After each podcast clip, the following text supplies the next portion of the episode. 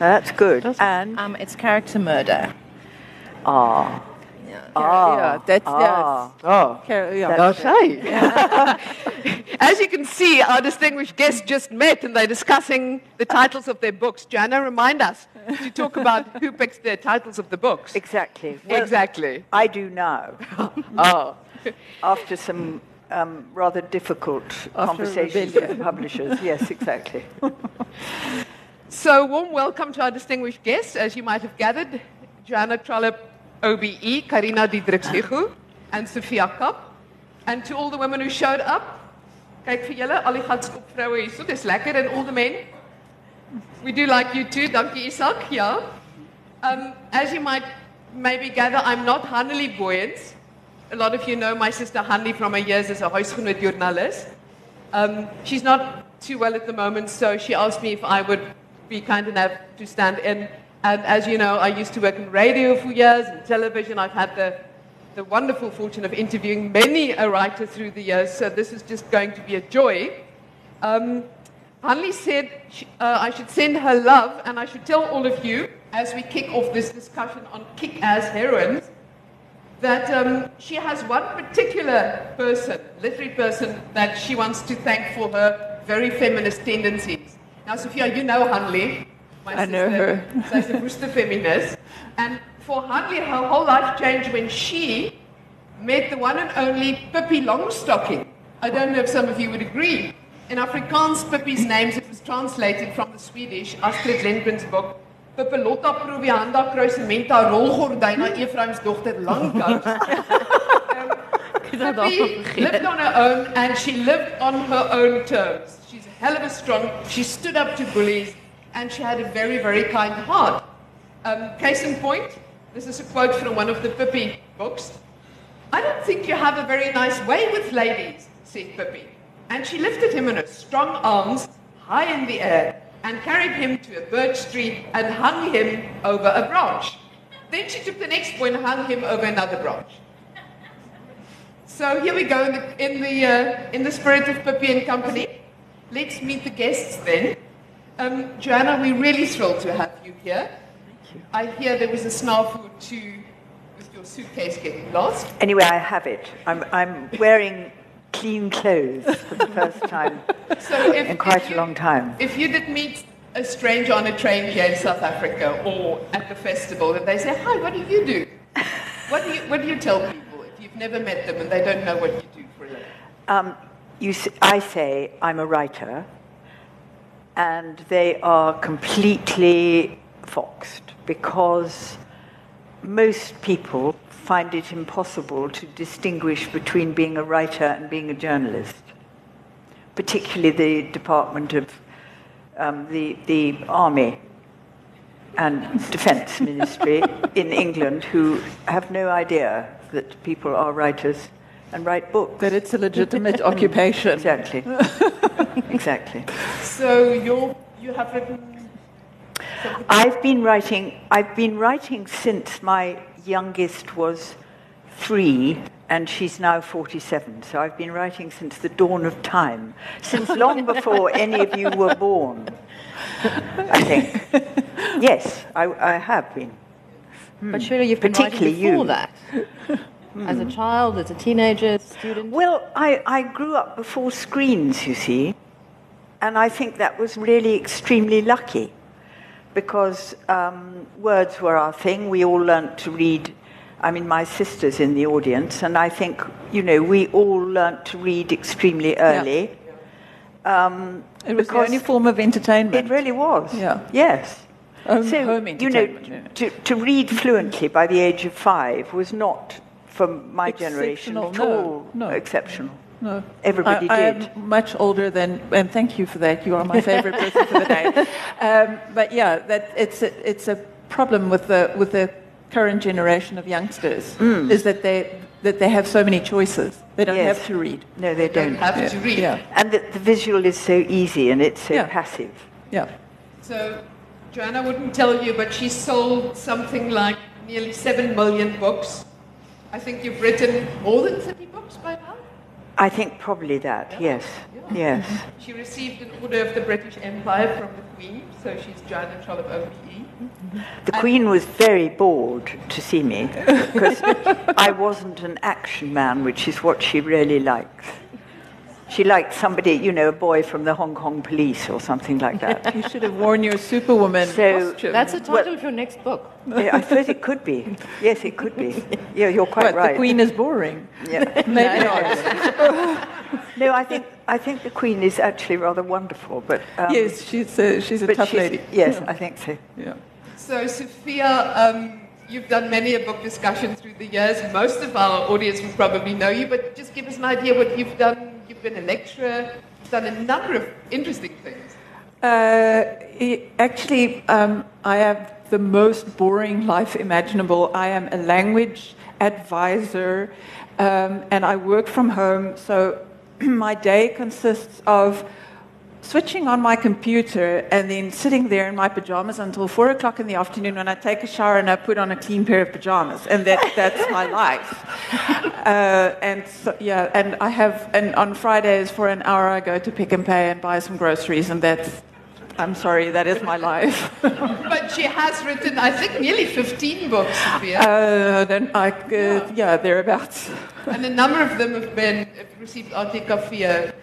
Yeah, y- yeah, but I've I've written mainly romance novels. Um, this is the first uh, novel that is not not romance. Uh, this is women's fiction, just feminist women's fiction. Um, but yeah, I, I am known for romance novels. Carina, you were known as a, a writer of uh, sort of young adult fiction, and your Yes. books have been awarded so many prizes, and they've been described at school. At school. Yes. So tell us a bit. So, um, Joanna was very interested in where you come from. Yes, well, um, I come from a, a, a young adult background. Um, I, I sort of started writing almost accidentally. Um, I was involved with a literary magazine and wrote a story, and a publisher contacted me and asked me if I wanted to write a book, and I thought, I'll do it in a weekend.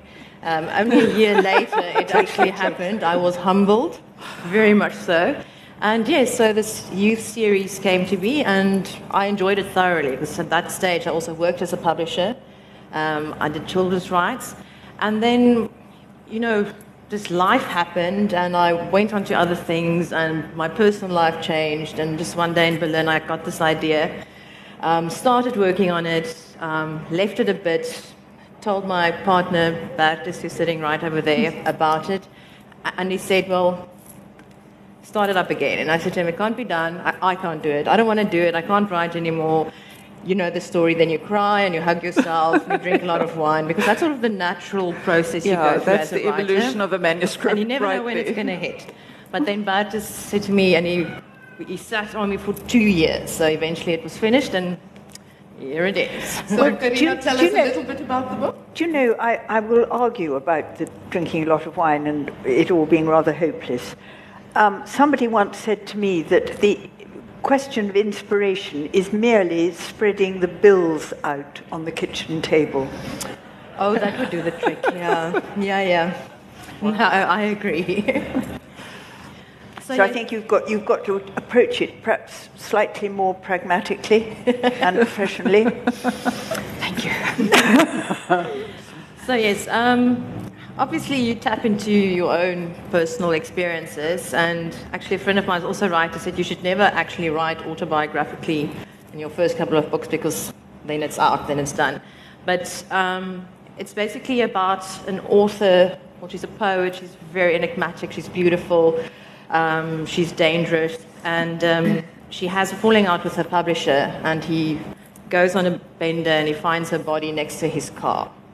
And then the whole story about Anna, that's her name, is told through the experiences um, during this week of all her various lovers, who they are, why they were in her life, and it all centers around this one evening. So that's basically Karaktermoord in a nutshell.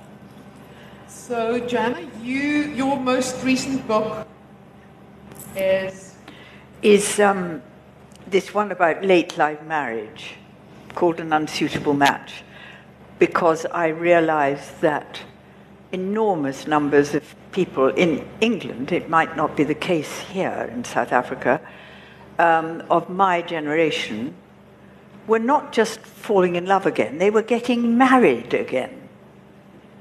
Here as and of well. course, and of course, by the time you are in your 60s or 70s, your children are in their 30s and 40s, and they have opinions about this, Strongly which they are voiced not in the least shy of expressing.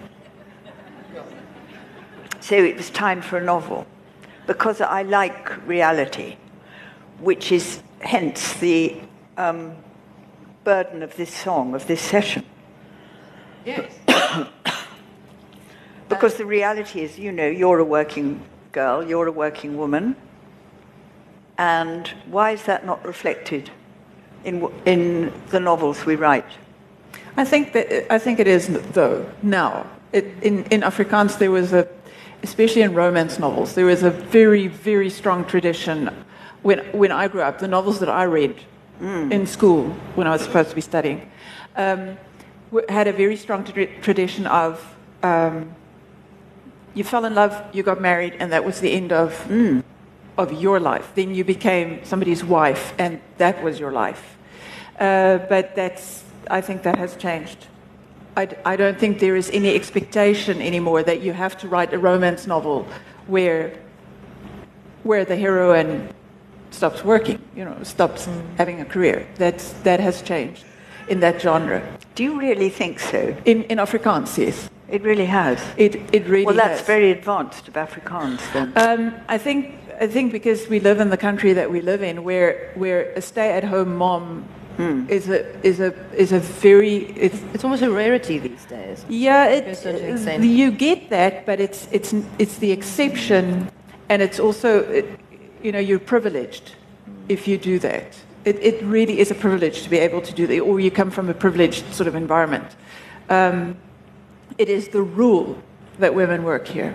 It's, it, uh, many women in this country are, are single moms, and um, working is not a is not a rarity. It's so if you if you write real fiction where you know you have a heroine that, that should be identifiable, uh, you have to write somebody who works. And it gives you more writing material Yeah, exactly. because the life is bigger. Yeah, exactly. So your your newest book, Kantelpunt, Yeah. is about a woman who's worked, she's done the right thing, she got married, did everything for her husband, and then Yeah, the, the, the book is about um, a 50 year old woman who um, is, is the epitome of everything that is traditional and uh, Afrikaner and uh, she does everything right. She is. She keeps quiet. She sort of suffers in silence. She is the traditional vloerlap, um, and then she has a hysterectomy, which is and, and that's important because in, in right at the beginning of the book, uh, there is a quote. Tutamuliar in Utero, and it's it is the principle on which womanhood has been decided for ages uh, is that if you have a, a uterus, you are female. Um, physiologically, medically, you are, you are a female if you have a uterus.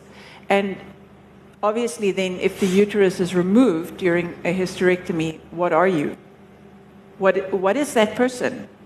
Are you still a woman? And, and how are you supposed to behave? Um, so, in, in the middle of the book, uh, she has the hysterectomy, and that is the tipping point. Because after that, she has the right to define her own womanhood.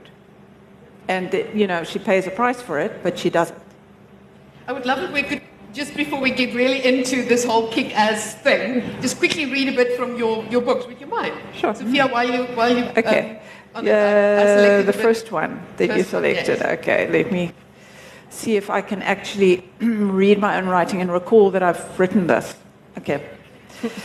Uh, this is a this is a section uh, that she that she writes herself. Nelly wrote this herself, so it's in the first person. My ma het my geleer seks is 'n skande. Die kerk het my geleer dis 'n sonde. Flieks het my geleer dis netjies, storieboeke het my geleer dis fiksie. Betty Friedan het my geleer 'n vrou is 'n denkende deelnemer. Hugh Hefner het my geleer 'n vrou is 'n haas. Die Cosmopolitan het my geleer Vleeskleurige onderklere demp 'n man se sekslus. Die World Health Organization se statistiek oor verkrachting het my geleer klere demp niks nie. Jane Austen het my geleer seks word onderlê deur sosiale konvensies. Selma, dis haar onkonvensionele vriendin, het my geleer dis wat jy daarvan maak. Die Italianers het my geleer dis kuns, die Engelse het my geleer dis plig. My lyf het my geleer dis natuurlik. My siel het my geleer dis 'n geestelike ontwaking. My huwelik het my geleer dis vernietigend. Now, I, I only understood the proper names in that. I understood um, Jane Austen, The World Betty Health Friedan, and The World Health Organization. yes. So what, what have I missed? Well, you basically got the gist of it. I, I did. it's no what it was about is is uh, what sex is and Oh, right. and the the different my mom taught me it was it was my duty and and so Yeah. on and and at the end uh, my marriage taught me that it was uh, Devastating. devastating yes. Yeah. yeah. Would you, would you be willing to read us a bit? bit Absolutely. Well, I'm afraid this is merely in English. In, in, We'll one do of our the books, best. in one of China's books, she refers to Commonwealth English. Am I right? Where you write Yes, about the, where you write about the South African Merlot, the wine. Yes. You also write about the, the people who speak with the accent that we all have, which is the Commonwealth.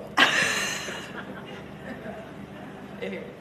what does that mean that that your country was at war at some point with England is that Commonwealth English Probably. No, that's the whole yes. world then. Well, there's also estuary English, Oh. which is no glottal, it's all glottal stops, and um, it's um, affected by people who don't wish to sound as if they are in any way elitist, like me.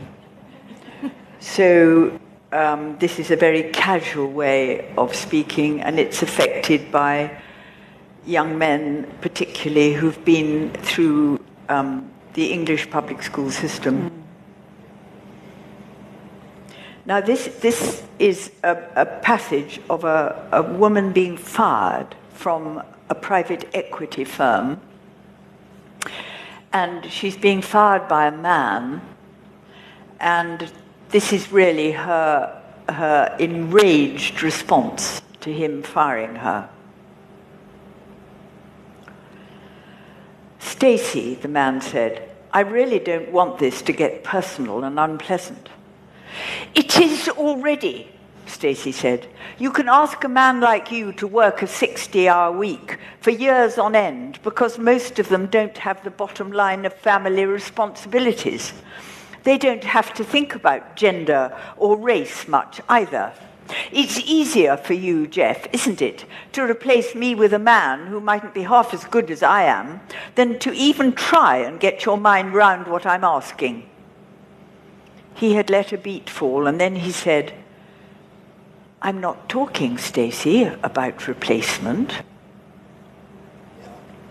And so she does lose her job. She does lose her job, and she goes on to be much more fulfilled one.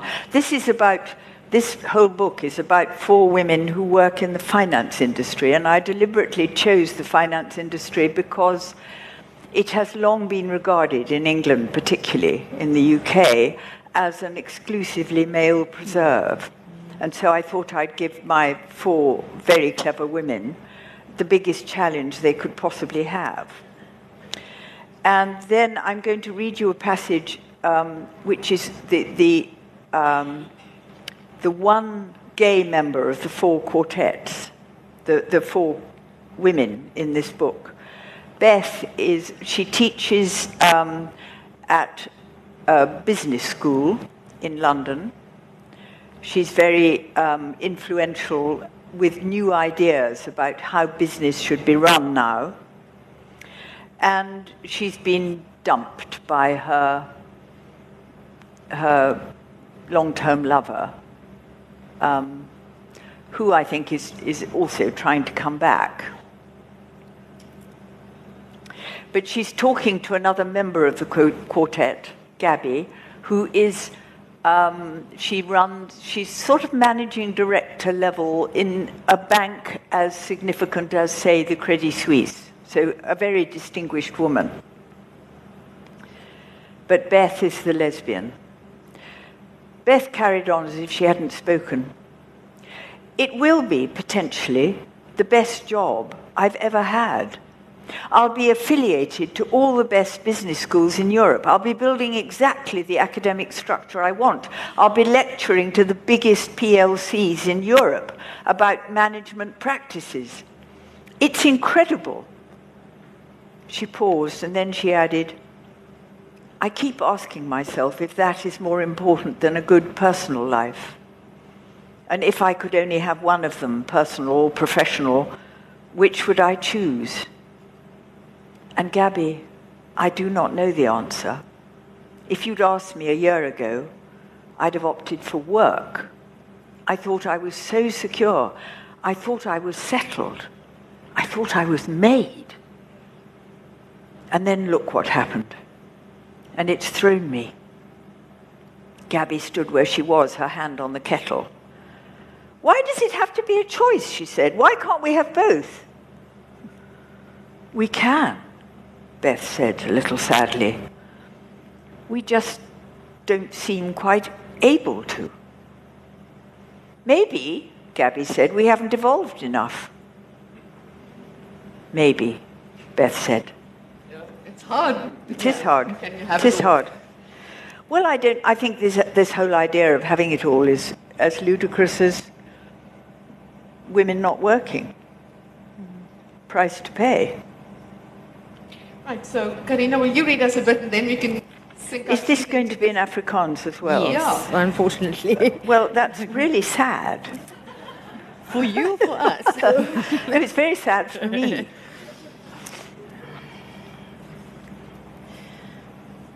Christina lê terug en maak haar oë toe. Anna Neetling is 'n heks. Elke man wat sy ken, is deur daardie vroumens in die tande geskop. Nou sy ook. Maak nie saak dat Anna weg is nie. In elke moontlike scenario trek sy sterker as ooit na vore. Keer sy ongedeerd terug. Wonder almal waar sy was en mitologiseer haar verdwyning. Skryf dit toe aan skrywers temperament en almal raap haar volgende crappy boek op. Is sy gewoon weg en bly sy weg? Dan word sy ikoon en vir die volgende 30 jaar bespiegel almal oor wat van haar geword het. Het sy al polse gesny, word sy die nuwe Ingrid Jonker. En as iemand die wêreld 'n guns gedoen en haar vermoor het, is sy die onverganklike slagoffer. So what's interesting about this book is that the sort of the main female character, the femme fatale, is not really in the book, but she is the whole book. Exactly. Yeah, for me it's interesting that I sometimes feel as a writer you also have to make a choice in how you depict your, your heroine. And sometimes a really strong woman is almost demonized. So certain attributes, um, you know, she, she almost has to be overly sexual, overly aggressive in the business world, or overly this or overly that for her to stand out or to claim a place as a legitimate heroine in a novel. I don't know what your perception is. I would say that um, it has been for two and a half thousand years extremely convenient for women to pick up the slack of society and do the caring and do the supporting and do what they're told. And we are beginning, we're in the middle of the most enormous transition, which I think will go on for generations between the genders.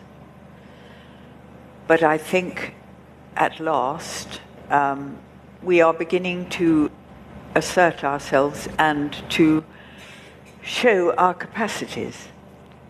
Um, Warren Buffett, you know, the sage of Omaha, was asked by some incredibly stupid journalist sometime in the last six months. He was asked if there was just one thing to which he attributed his enormous success. And he said rather charmingly, he thought the fact that he'd only ever been competing against half the world was quite significant. Mm. And we're good at stuff. Would So- you- no, go ahead. Joanna, you've been quite sort of vocal about your frustration with the females and, and the women in, in romantic fiction. Are you still frustrated? Um, I think I think we're slowly getting there. I mean, it. I would say that a great deal of romantic fiction in English is still very much set in the, the pre dramatic world. I mean, Afrikaans sounds to me as if it's extraordinarily advanced in its thinking. Uh, look, let, let, me not speak on behalf of everybody, um, and, and I have not read everything that is out there, but, but my feeling is that if you write a truly traditional novel nowadays with a, with a truly traditional heroine who, is, who, wants, who wants to sacrifice her life and her career for marriage, uh, it's A, not necessary, and B, not necessarily well received by readers. Um, Afrikaans readers are, are, um, are quite keen and quite willing to accept real women. As, as I, I have found with my writing uh, that they're very willing to accept real women living in the real world, dealing with real issues. Um, so, so you, you don't have a constraint. There's absolutely no reason for you to write a, a, a, woman who wants to fall back in a traditional role. If, if you do, I'm sure there is a place for it, but there's no, there's, from the publisher or from the reader's point of view, there is no reason for you to write that. It, it would always be it your is, choice. It is popularity, isn't it? Because, yeah. you know, as far as the media is concerned in the UK, it is still extraordinarily old fashioned, I think, in its assumptions. But we were forced to grow up in a sense because we had apartheid, we had our writers mm. who actually mm. had to not just wade through creating a, a, literary scene, but to fight a system whilst yeah. doing that. And I think um, it, it, made our, our, our, female writers stronger. Um, we had some excellent writers like Andre Pierre mm. obviously not a female, but, but he wrote a lot hmm. from the almost um, feminist writing perspective. Absolutely. And I think that um, it just expedited the whole process for us in Afrikaans, I think. Yeah, I think I think that also we had to we had to grow up as a as a nation. Yeah. Um, we deal with real problems in this country. Mm. We, we, we and and I became more aware of the fact that that in my little white enclave in Pretoria, this is not the only life there is. That, that there are women in this country living real struggles. Mm. Um, and there is a sense of, for me, there is a sense of solidarity there. That, that giving up a career is, is really not the biggest issue that you can face in this country. Um, it, it, sending your kids to school um, with bullets flying over their heads, that is an issue.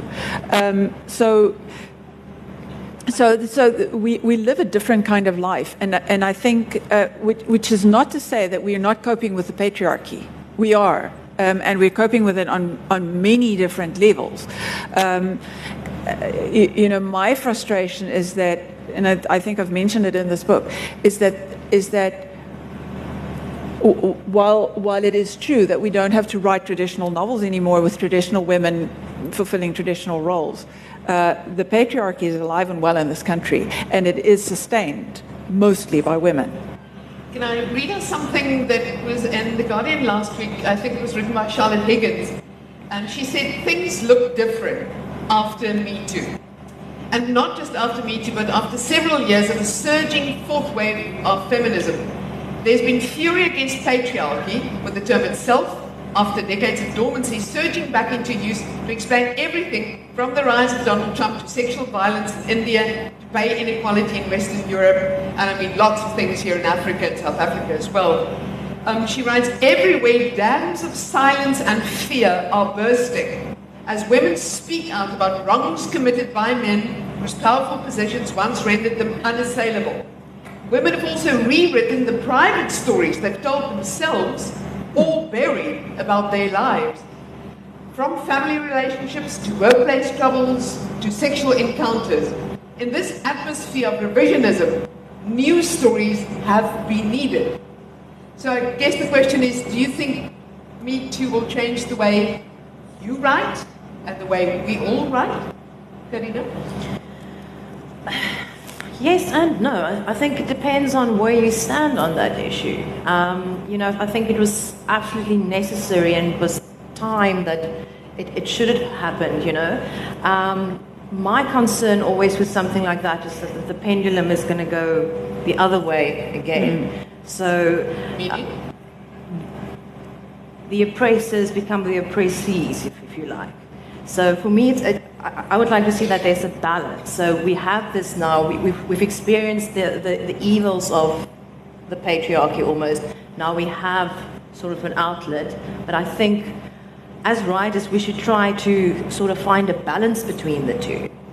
A balance that we don't always see in society. Maybe it's an idealistical idea, but for me, balance is key to everything. And I think that's why um, our literary scene is looking good because we've had a, very much an imbalance and then we, we were forced to sort of bring it into sync again. And I think that's why we have the luxury of women writers like Sophia doing absolutely amazing work, whereas 20 years ago you would have been allowed to write something like that. I, I read that book of yours, Sophia.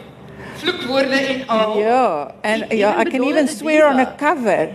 On a cover. That would It- never have happened. I, I, there's, there was a lady in Pretoria who, who came into a bookstore. My, my friend owns a bookstore, and she's, she has sold many copies of my previous book. The, the book is called A Oorlewingsgids vir 'n Bedonderde Diva. That means uh, it's survival guide for a, for a screwed diva. And, and these, these older ladies would come in and, I want that book about that angry woman.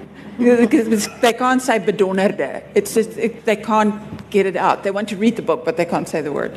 Um, so, yeah, it's, it, we have come a long way. That is one of your most popular books. yeah, it's still, it's still selling well, yeah. And do you think this moment that we are living in culturally, could that change? Look, it, it will change. Of course, it'll change. Life is life is is always an evolution. It's it's never. It shouldn't stay uh, where it is. Uh, what what worries me um, a little bit. You've mentioned the fourth wave. I'm never sure in which wave I am. It's sort of like I'm I'm awakening to feminism now at this late stage in my life, um, and I'm I. I find the older writings very enlightening and so on. I am uncomfortable with the with the modern take on it. I wrote a scene into this book uh, of a of a conversation uh, that Nelly had with a with a with a group of friends. And during this conversation, she is confronted by a third wave feminist uh, who, who accuses her of being a traitor because she's straight. She still longs for a man, and she, she you know, she, she sort of, she says, I have, a, I have a son, I have a father, I love these men. I'm, my, my anger is not towards men, it's towards the system. Um, and I, I wrote this entire scene and the outcome and so on. And after the book was published, I had, I had a life imitating art moment where I attended a gender seminar at a university in Pretoria, um, where, where I was told as a writer, you should be writing this kind of novel. You should be creating this kind of woman. And I was foolish enough to put up my hand and say, well, you know, in a historical perspective, if I want to create this kind of figure, then, you know, a hundred years ago, women were like this. So if I want to write a woman who is downtrodden and whatever, then I should be able to write her. And I was told emphatically, a hundred years ago, there were strong women, and women should not be depicted as, as victims. And I, I had this strange, weird uh, awareness that this person who is a who is a very eminent literary figure from Central Africa with a lot of degrees, a female telling me how I should be writing my characters. This person is doing exactly the same thing that the apartheid government did with with with white writers who, who did not write Afrikaners to their liking. But that's exactly my point. We should find a balance between the two Exactly. because we're being oppressed first by men and now by women. So Exactly. Um, in So if- between we should if- find our own voices. What, what difference is it if a woman tells me how to be?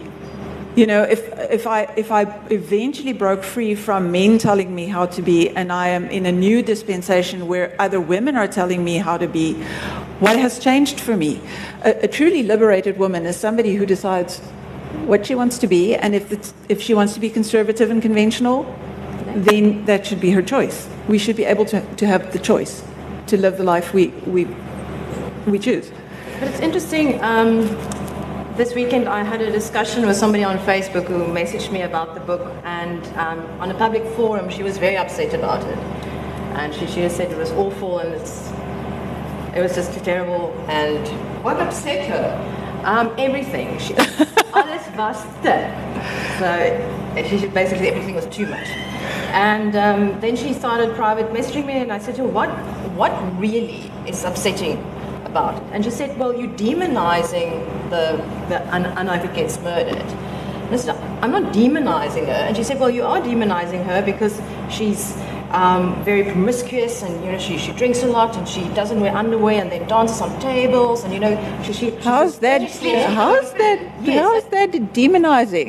That's just living your life. Exactly. So she said it, it's it's a dangerous character because firstly it makes women look badly, and secondly now I'm using everything that's wrong with her against her, and so she gets murdered.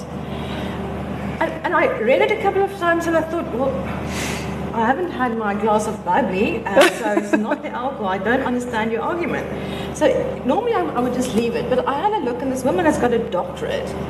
Um, she's in some sort of It means nothing. It means nothing. And I said to her, please explain your argument. A. PhD again." is, Yeah. I'm afraid, It's- is it's neither. a piece of paper. It is. These days, not even It is. life anymore.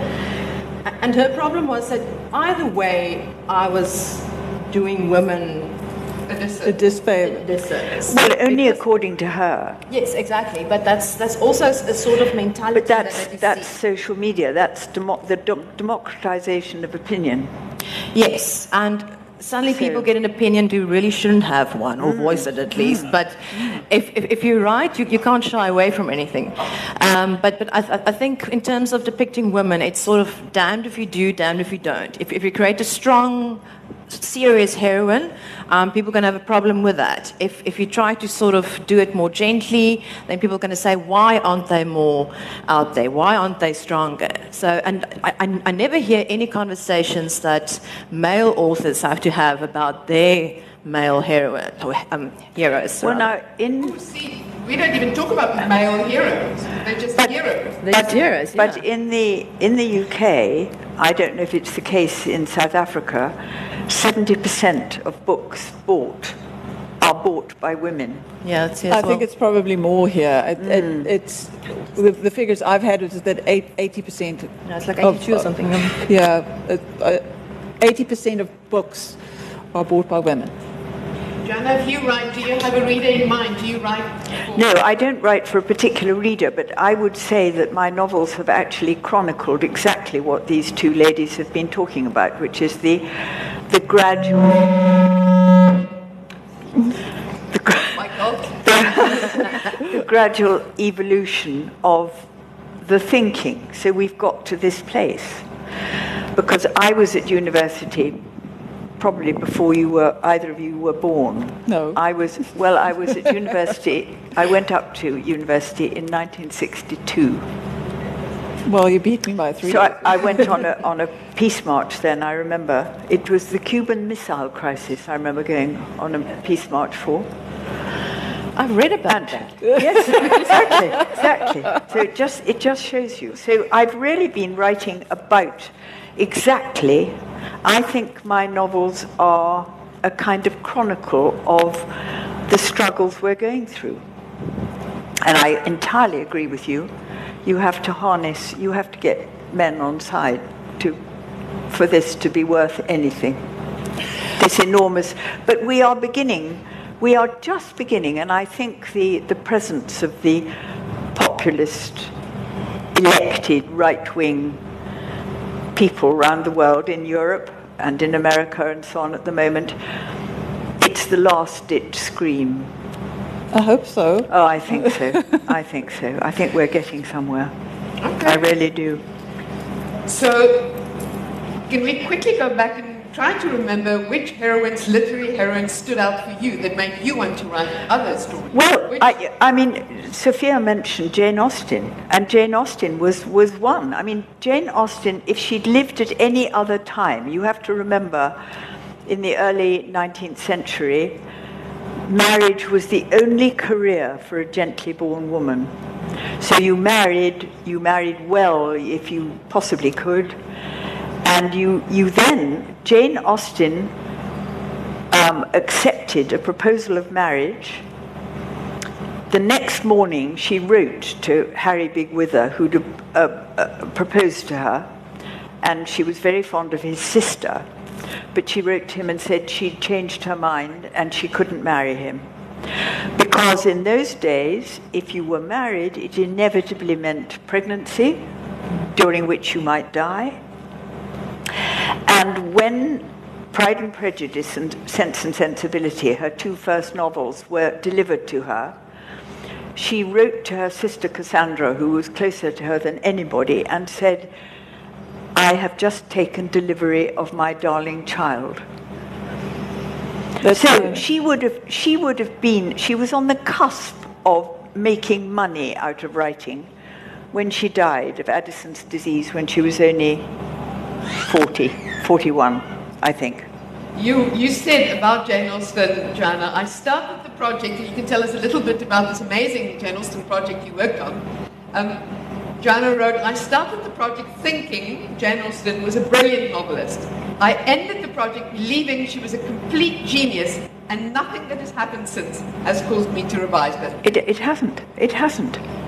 I mean, you, you know about, because you, you're very experienced writing romantic fiction, you know that Jane Austen, how did she know she was a provincial um, daughter of a parson in Hampshire in the late 18th, early 19th century? How did she know that this form of romantic fiction, it would involve love, for which you could now say sex, um, class, power, money, and culture? And those are the three strands, and, the, and romantic fiction has been about that forever. Yeah, but, but Jane Austen's novels to me, and, and I am not a literary person at all, I'm a linguist. So I, I just read a novel and, and there's a face value and that's what stays with me. But, but the thing that sets her novels apart is her, is her social commentary and, and her, course. her amazing ability to look into into a society and and mm-hmm. show you what is going on and and I think that remains with us because because Mr. Darcy I mean we're, we're all in love with Mr. Darcy No, We've we're not. been- We're No, not. He, no. he was he was very young, and if you know, he was only twenty three. I understand. He was an insufferable pig. he was he's a chauvinist he's Yes. a, he's Not a, when Colin Firth was Mr. yeah but Darcy. exactly he's Colin pretty. Firth, that scene, Andrew Davies invented that scene. It doesn't exist in Pride and No, no, we, we know, but, but look, you, you fall in love with Mr. Darcy when you're when you start reading romance novels, which is like at 11. You don't have any discerning abilities then. Um, but it, it's, it's only later that you realize that the, that the romance underneath is, is just, that's just the vehicle. No, Uh, it's, but- it's sex. It's because they all wanted to go to bed together because they're all that age. Well, it makes the world go round. It still does. That's why we're here. Nothing, there's no, other reason why we live Well, breathe. no, it's, it's something you said earlier that actually women, or, or at least men and women, are dictated to by their physiology. So it, it depends what stage you've got to in your life. When you're fertile, you want one thing. When you're postmenopausal, you want something quite different. Well, I think it, it depends on how many times you've been you've been disappointed too. You know, and, and you, you sort of you start out, or I did at least, um, when I was a youngster. You start out. I've read millions of of you know Harlequin romances, and that's your idea of a of a relationship. And then you reach my age, and you realize that stuff is just paper. Um, and then, then you know, you look at relationships quite differently, and you write a book like this, or like Diva. But why shouldn't that be your physiology that makes you think that? Um, are you calling me menopausal?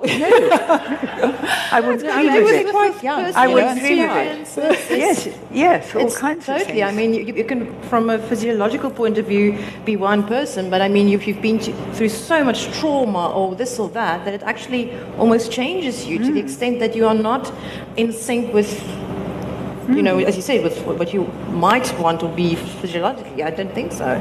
I, th- I think, you know, the, the human element around you Mm. almost steers you into a certain direction, and you don't always have control over that. But it's, you know, one of the things about kick ass heroines is that um, men have, always, have known for two and a half thousand years the validation that work gives you. And we are all, four of us, we are all working women. I should think there's a lot of working women in the audience too. And the satisfaction you get at being good at something is enormous. Yeah, I mean, you, you're probably a novelist before you're in any kind of relationship, aren't you? It depends. Um, does the relationship lead to a book, or the book to a relationship? Um, yeah, it's it's difficult to say. Johnny, Well, if you, But- but if, mean, you, I- if you took the work away, how would you feel? The thing is, I've always worn many hats. I've, I've never only just been a writer. Um, so, in, in that sense, I've, I can be or I am more flexible, um, but, but I, I do need strong relationships around me. Um, I, I need that um, creative um, joining our forces. I've always been in relationships with creative people. My, my partner of almost five years is a winemaker. How, and it's also a brilliant writer. Um, so that fuels my creativity and, and my urge to work and to write and to, to do creative things. Um, take that away, and I feel bit like a shell. It's not that I need a relationship, I need a particular type of relationship. Um, and, and to a certain extent, it's a very selfish thing to say um, because I need them for me to, to create this. No, I would, I would dare to presume that actually your work is more important to you than you're admitting. Because I think, I think that kind of identity is incredibly important to, to all of us. No, I, I will always have my own strong identity, and I, um, the writer Susan Hill, who a lot of you will have read, once said to me, this is about 30 years ago, she said, never let go of your money or your friends because you never know when you're going to need either. Well, And most- she was both- quite right. Both, yeah, probably. especially friends. Um, I think I think the, you, you've mentioned that men have never had to wonder about the importance of their jobs or their careers, their work, um, and and you know, for me, I have always had to work. It, it, I, Hmm. I've always been in a position where I had to have a job and a career and keep things going. So I never had the luxury of of not Well, knowing work. financial independence. Yeah, so so that part of my life is, and I'm I'm I'm a very I'm in a fortunate position that I love what I do. I love my day job, um, but I think I think the layer that that a woman that a woman has in her life that a man does not necessarily have is that whatever relationships are in your life, whether it's with your kids, with your husband or your partner or your parents or whatever, relationships are your mm. job as well. Exactly. And- and I that mean, is- men and, and- women don't work the same way. And if, if relationships do not work, for some reason, it's always the woman's fault. If, if there is something wrong with a child, what kind of mother are you? You know, if there is, if there is a problem with the parent, why are you not looking after But your that's, that's, so, that's social, that's cultural conditioning, But, surely. it- but of course it is. But the, but the point is, as, as a woman, no matter how successful your career is, if your child is in trouble, you will be judged as, as an unsuccessful person. Um, and, and that brings a layer of stress to, to women that, that I don't think men fully understand. Um, and it, do, it doesn't matter how old you are, it doesn't matter how, how successful you are in your career. If your relationship with your parents or with your children are, are, are unsatisfactory, then you are not a successful human being. And, and that, is in, that is incredibly stressful to live with that, with that sword over your head. Well, that's also assuming that there are children in the picture, because I get a lot of stress as well because I don't have children. So I'll go to a school and um, teachers would ask me, um, why are you writing children's books if you don't have children? Almost, you need a child to be validated as a woman. And Yeah, also, exactly. e- even it stretches as far as, as, as being um, allowed to write. Um, so, you know, in terms of relationships, children almost makes it much more complicated for women than it would be for men. If, if, if a man has children or he doesn't, it doesn't matter when he's a writer. But we sort sort of have to explain um, create, on a creative level why we do certain things where you're a mother or you're not a mother. I'd like to give the audience a, chance to participate if you'd like, but quickly answer me uh, this question. Have you written a kick-ass heroine? If not, do you want to? Have I? Yes, that- have you? Uh, I think all my heroines start out as sort of dragging their feet, and by the end of the by the end of the novel, basically they've kicked their own asses into motion. Joanna, Yes. you have. And you still have some up your sleeve? Mm-hmm. Are you writing something now? Um, I killed mine off on the first page, um, so I'm going to have to think of another one. But yes, although I think the best one out there has already been done. Kobie Malan. Oh, yes. we, we have this uh, youth um, series that is called the Maasdorp Stories, um, sort of a school, you know, Yeah. school Yeah. stories. And it was written by an inimitable, amazing woman called Stella Blakemore, which she has honored in um, the very smart Carina Diedericks-Hugo, named the publisher in her book. Blakemore and Blakemore. and, and Sophia, who also read the Maasdorp Stories, she actually has a, trilogy, and the girls in that trilogy, Malan. their is Malan, and they yeah, and they live up on the on the mountain. Yeah, Kobie Malan and Sister Yeah. Yes, we've been very fortunate to, to, as young readers in South Africa, we've had some amazing literature to read. Yeah. Preeminently, the master book of Yeah, Ian absolutely. So, um, friends in the audience, would any of you like to ask any of our writers anything? Um, just wait, there's a microphone coming your way. Thanks.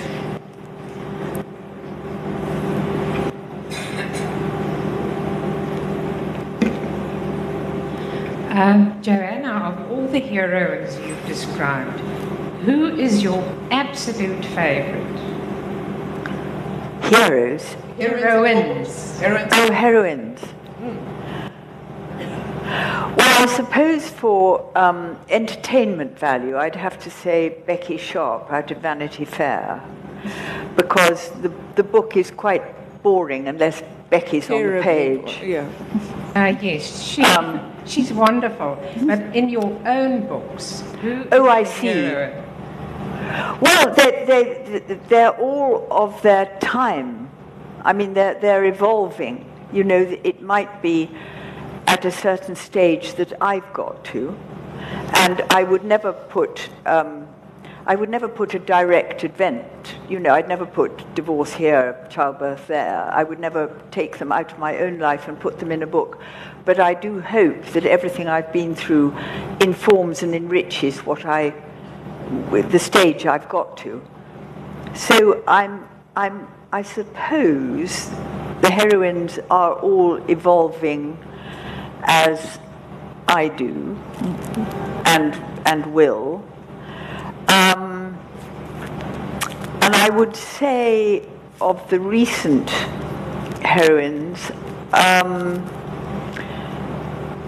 I had rather a soft spot for the older sister in an unsuitable match, who was called Prue, and she was a retired headmistress. And she was very, very sensible. And she said to her sister, who, her younger sister, who was threatening to get married again or want to get married again, it is really, isn't it, just a matter of trust. And she wasn't wrong. So she, she'd been to the market locally to buy herself some huge, sensible knockoff trainers. She, she had a kind of attitude to life I rather admire. Is it also, So- uh, she tells her sister, you don't have to be married. Yes, you don't have to. No, and you don't have to be. Maybe another question quickly? Uh, there at the back. Thank you. Thanks. Thanks for the question.